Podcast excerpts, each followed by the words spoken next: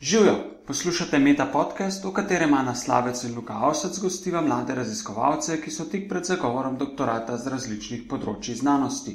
Uživajte! Živijo, tokrat vas pozdravljam z laboratorija za biokibernetiko na Fakulteti za elektrotehniko. Z mano je Barbara Zorec, magistra farmacije, sedaj pa doktorska študentka biomedicine. Barbara, pozdravljena. Živijo. Barbara, farmacevtka na fakulteti za elektrotehniko. Kje je tu povezava? Ja, v bistvu uh, skupaj se je začelo z projektom na kompetenčnem centru, kjer so se začeli ukvarjati z transdermalnim nosom učinkovin. Z različnimi metodami, se pravi fizikalnimi metodami. Transdermalni, da tako prekinemo, to pomeni pač preko kože. Tako, se pravi, da bi vnašali molekule preko kože v telo oziroma v kožo, pač odvisno, um, kako dostavni sistem, oziroma kam želimo molekulo dostaviti. In um, ja, v bistvu za ta projekt, um, kar se tiče samih metod uh, in naprav, ki pač so nam omogočali, ki so omogočali te, uh, izvajanje teh metod na koži, samo to področje pokriva seveda fakulteta za elektrotehniko, um, hkrati so pa za učinkovine in pa. Um, Pač ta način vnosa učinkovin v kožo ali preko nje, um, želeli imeti enega farmacevta. In tako sem se jaz po diplomi, čisto slučajno, um, zaposlila na fakulteti za elektrotehniko. Lahko poveš kaj več o tem vašem uh, laboratoriju za biokibernetiko? Koliko vas je, s čim se ukvarjate? V bistvu v laboratoriju nas je zaposlenih uh, približno okrog 25-30 tle okrog. Um, in pa moram reči, da smo kar um, multidisciplinaren laboratorij, se pravi, poleg štromarjev, če se lahko tako izrazim, je zaposlenih tudi veliko biologij, mikrobiologij, biotehnologij in pa seveda jaz kot farmacevtka. Ukvarjamo pa se z.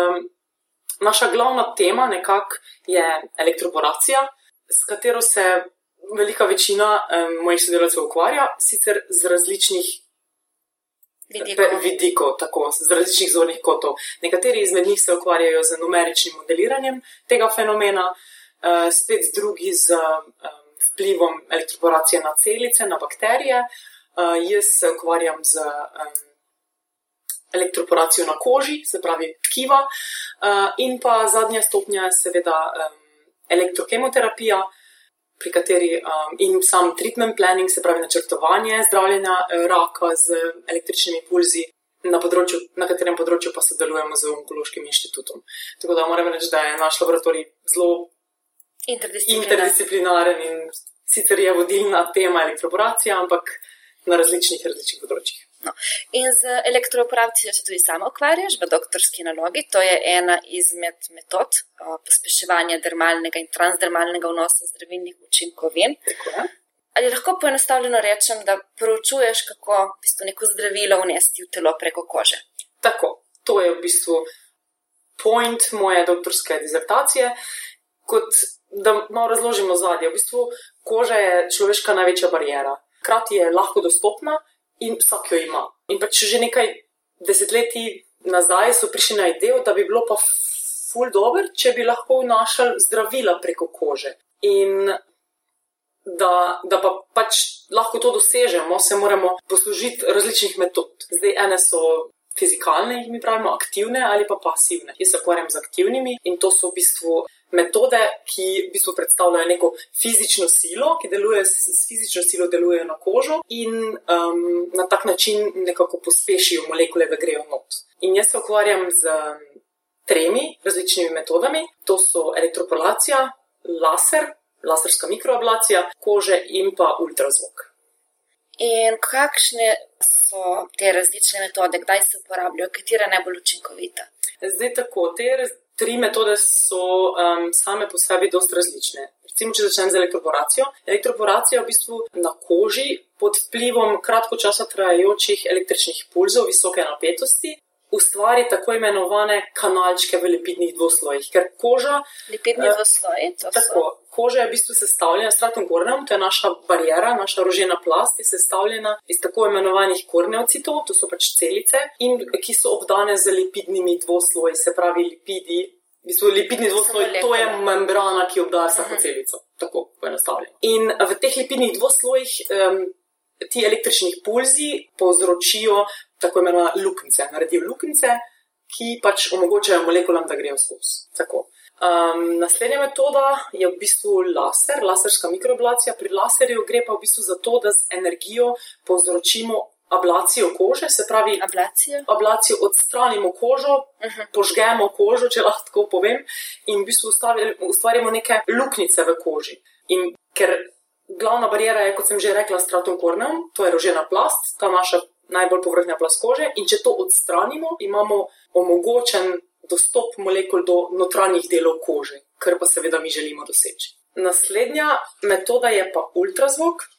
Z ultrazvokom pa mi v bistvu pod vplivom ultrazvočnega valovanja mediju ustvarimo tako imenovane kavitacijske mehurčke v bližini kože, ki pa tam kolapsirajo, se pravi, eksplodirajo, če lahko uh Mhm. -huh. tako rečem, in v tistem tudi ust- ustvarijo tako imenovane mm, mikropoti v, v roženi plasti, ki pač omogočijo potem pospešitev molekul, da grejo v kožo oziroma preko njih. Zdaj se to skupaj zveni, kako bi rekla, nevarno. In si skušam predstavljati, kako v bistvu poteka to eksperimentalno delo. Verjetno ne na živih ljudeh. Ne. V bistvu jaz poskuse izvajam ex vivo, se pravi, to je na tkivih in sicer na koži prašičjih ušes. Zakaj ravno koža prašičjih ušes? Zato, ker je po lastnostih najbolj podobna človeški koži. In to je neki zlati standard, ki se um, na poskusih ex vivo na koži uporablja. Zdaj, kar se pa samih uh, ljudi tiče, um, smo pa sami zelo us- bili usmerjeni tekom svojega, se pravi, tekom mojega eh, doktorskega dela, smo bili usmerjeni v to, da so metode kar se da eh, pacijentom prijazne, se pravi, da so neboleče in da so varne. In mi smo vse te tri metode tudi sprobali na sebi in lahko rečem, da ne bolijo.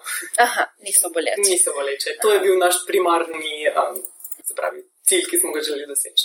Kakšne, so, kakšne pa so razlike med temi tremi metodami v, v učinkovitosti, recimo?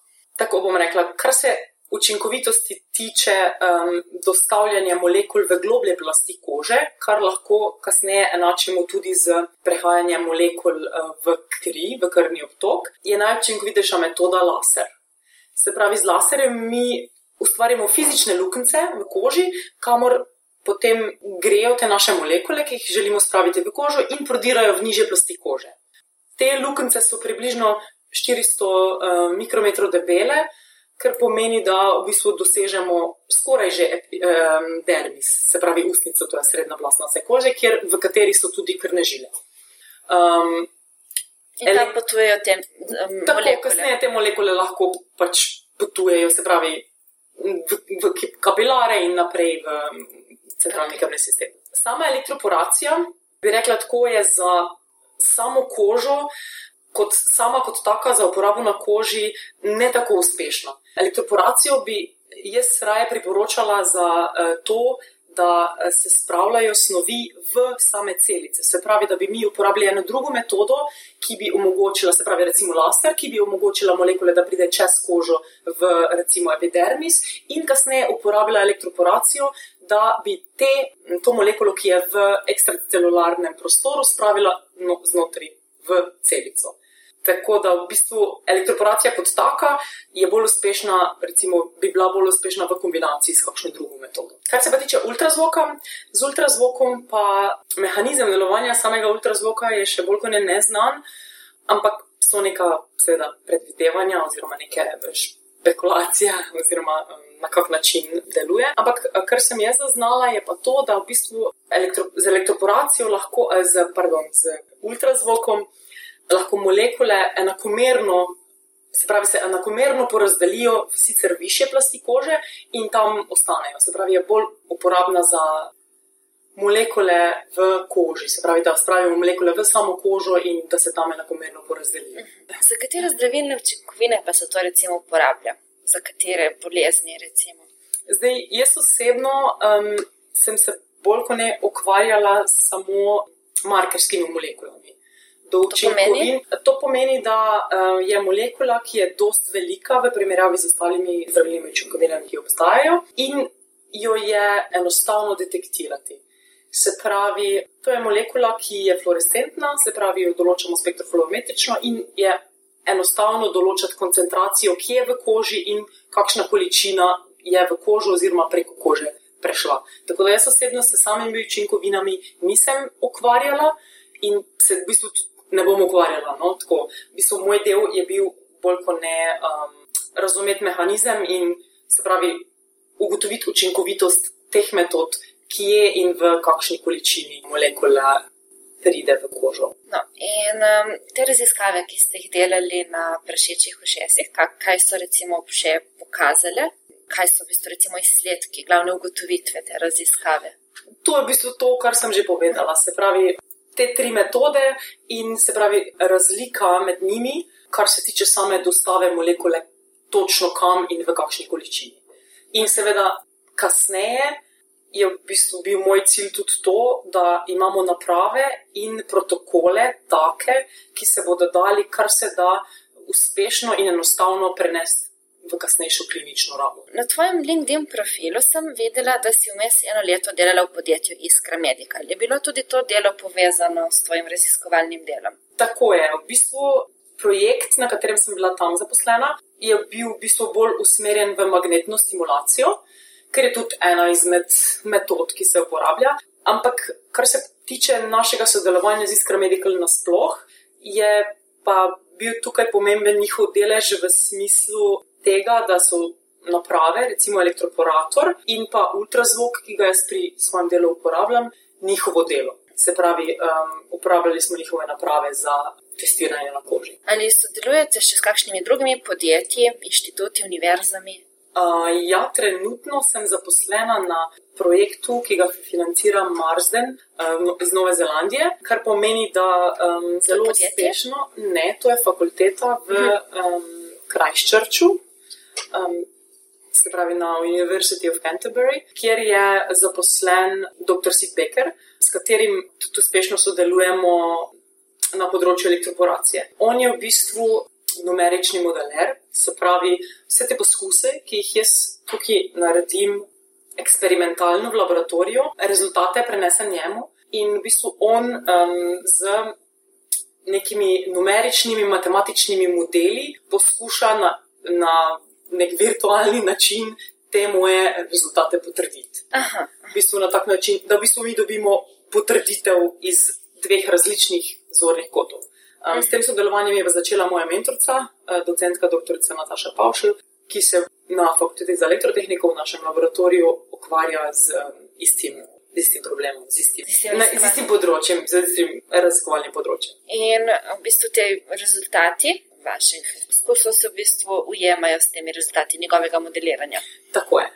Dobro, za konec bi te še vprašala. Si ena od prejemnic mednarodne štipendije UNESCO L'Oreal. Kaj ta štipendija pomeni? V bistvu za me osebno ta štipendija pomeni neko um, priznanje in nagrado za moje dosedanje delo. In dejansko je hkrati tudi spodbuda za naprej, da bom svoje delo še naprej tako vestno in zagnano upravljala, kot sem ga do zdaj. Sam denarni del nagrade, če sem iskrena, mi ne pomeni toliko, ampak gre res za neko priznanje, da delo, ki ga upravljaš, je dobro in da ga še nekdo drug opazi. Zdaj bi pa šla na ta zadnji del vprašanj, ki jih postavimo prav vsakemu terjovencu. Najprej me zanima, kaj bi bila, če ne bi bila znanstvenica. Kakšne so bile tvoje alternative ob upisu na univerzo? Če ne bi bila znanstvenica, naj, najprej na to ne odgovorim, bi verjetno bila kakšna raziskovalna sodelavka v industriji, najverjetneje bi bila kot magistra farmacije, seveda. Če pa ne bi pristala na farmaciji, bi pa meni alternativo predstavljala najverjetneje šport in pa tudi glasba. Kateri šport pa?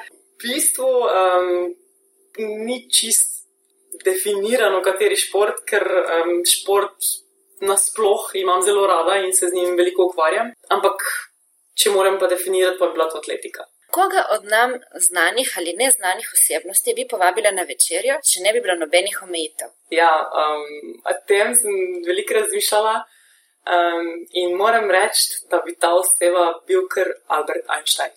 Glede na to, kar se trenutno dogaja, se pravi, v bistvu on je bil človek, ki je stoletje nazaj um, napovedal oziroma predvideval nekaj, postavil eno tvojo teorijo, ki so jo šele zdaj recimo dokazali. In to se meni zdi fascinantno in um, kot je bil on, lahko rečem, da um, takih je zelo malo. No? Dan danes je takih zelo malo in verjamem, da bi večerja z njim zla, bila zelo zanimiva. Kaj bi ga pa vprašala? Uf, zdaj ste me pa dobili. Ja, ne vem, po moje bi pustila, da bi pogovor sam stekel. No? Sko, uh, ni nekih posebnih vprašanj, na katera bi se. Pač, rada bi videla, kaj se v njegovi glavi točno dogajalo. um, če bi imela milijon evrov za poljubno raziskavo, kaj bi raziskovala? Hmm, ja, um, če bi imela možnost, bi vsekakor še vedno ostala na isti temi, kot sem zdaj, se pravi, tema zdravje, zdravljenje ljudi in izboljšanje kakovosti življenja ljudi. Ampak bi se verjetno usmerila malo v druge vode, se pravi, usmerila bi mogoče v zdravljenje raka, ampak ne mogoče v, v, na način, kot to počnejo danes, ampak najverjetneje bi preverila učinke um, konopljenega olja, o katerem sem danes tako veliko govori, in pa C vitamina, na, na temo katerega so tudi dosto obetavni rezultati, kar se tiče zdravljenja raka. Mogoče v tej smeri razmišljam.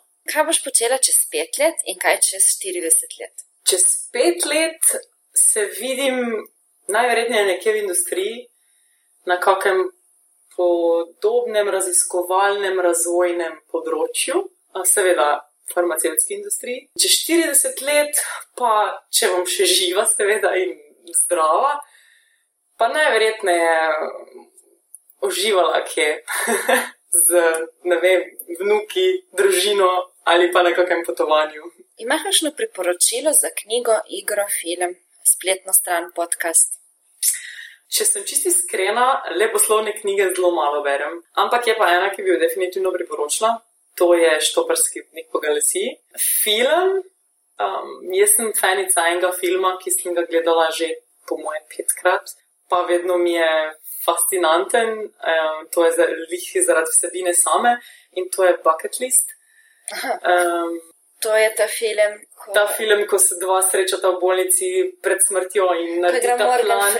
Morgan Freeman in Nicholas Cage. Ne, ja, ne bomo dali povezavo okay. v opis. Uh, kaj pa ne vem, igra, uh, spletna stran. Um, to pa niti ne vem. Tako, kar se tiče spletnih strani, sem velika fanica TEDx-a. Kakšno posebno uh, TEDx predavanje? Oh, Mogoče kakšno ele elektroporaciji. Seveda, definitivno moram priporočiti o elektroporaciji, ki jo je imel naš šef, Damien Miklaučič. Tako da tega mogoče, drugače pa um, tega je ogromno in se mi zdi, da lahko na ogromno področjih veliko stvari izveš. Um, s čim pa se zamotiš in kakšne izgovore si izmišljuješ, ko zavlačuješ ali odlašaš pri stvarih, ki jih moraš narediti za nek članek, doktorat? Ja, tukaj pa ponavadi najprej seveda svojo celo delovno mizo pospravim, še vse okrog, ker sigurno se najdejo papirji, članki, ki jih je treba urediti. Da, ja, najprej se lotim organiziranja samega prostora, kjer se bom tega lotila pisati. Ampak ja, na koncu koncev je vseeno treba to narediti. No. Ampak ja, definitivno pa vse pospravim. Kaj bi ti lahko v tem trenutku izboljšalo kakovost življenja? Če sem čisti iskrena, bi. Um, mi zdaj najbolj pomagali to, da bi sanirala vse športne poškodbe, ki jih imam, da bi lahko spet nazaj normalno trenirala. Um, Atletiko. Ne, v bistvu zdaj trenutno se ukvarjam s tekvandojem in, pač, in pač tečem velik, tečem plavam. Um, tako da ja, mislim, da bi to bila edina stvar, ki bi potem to pripomoglo tudi k temu, da bi lažje končala disertacijo. Seveda, definitivno. Več energije in več želje in motivacije bi imela. Ja. Barbara, najlepša hvala za pogovor. Hvala. Pred odjavno špico pa še novica. Društvo mladih raziskovalcev Slovenije je začelo z organizacijo pogovornih večerov Poučno in veselo o, oziroma na kratko pivo. Gre za družabne pogovorne večere, ki so namenjeni spoznavanju in druženju doktorskih študentov ter mladih v znanosti. Na vsakem večeru se bodo predstavili trije doktorski študentje z različnih področji znanosti, Prvi večer bo potekal v sredo 16. marca ob 18.15 v kavarni Tiskarna za Bežigradom na Dunajski 123. Gostje prvega večera pa bodo Aleksandra Bogožalec Košir z Nacionalnega inštituta za biologijo, Katarina Resman Rus z Inštituta za mikrobiologijo in imunologijo medicinske fakultete in Anže Sendelba, Center za družboslovno informatiko na Fakulteti za družbene vede. Lepo vabljeni, čaka vas tudi pijača dobrodošlice. Se vidimo!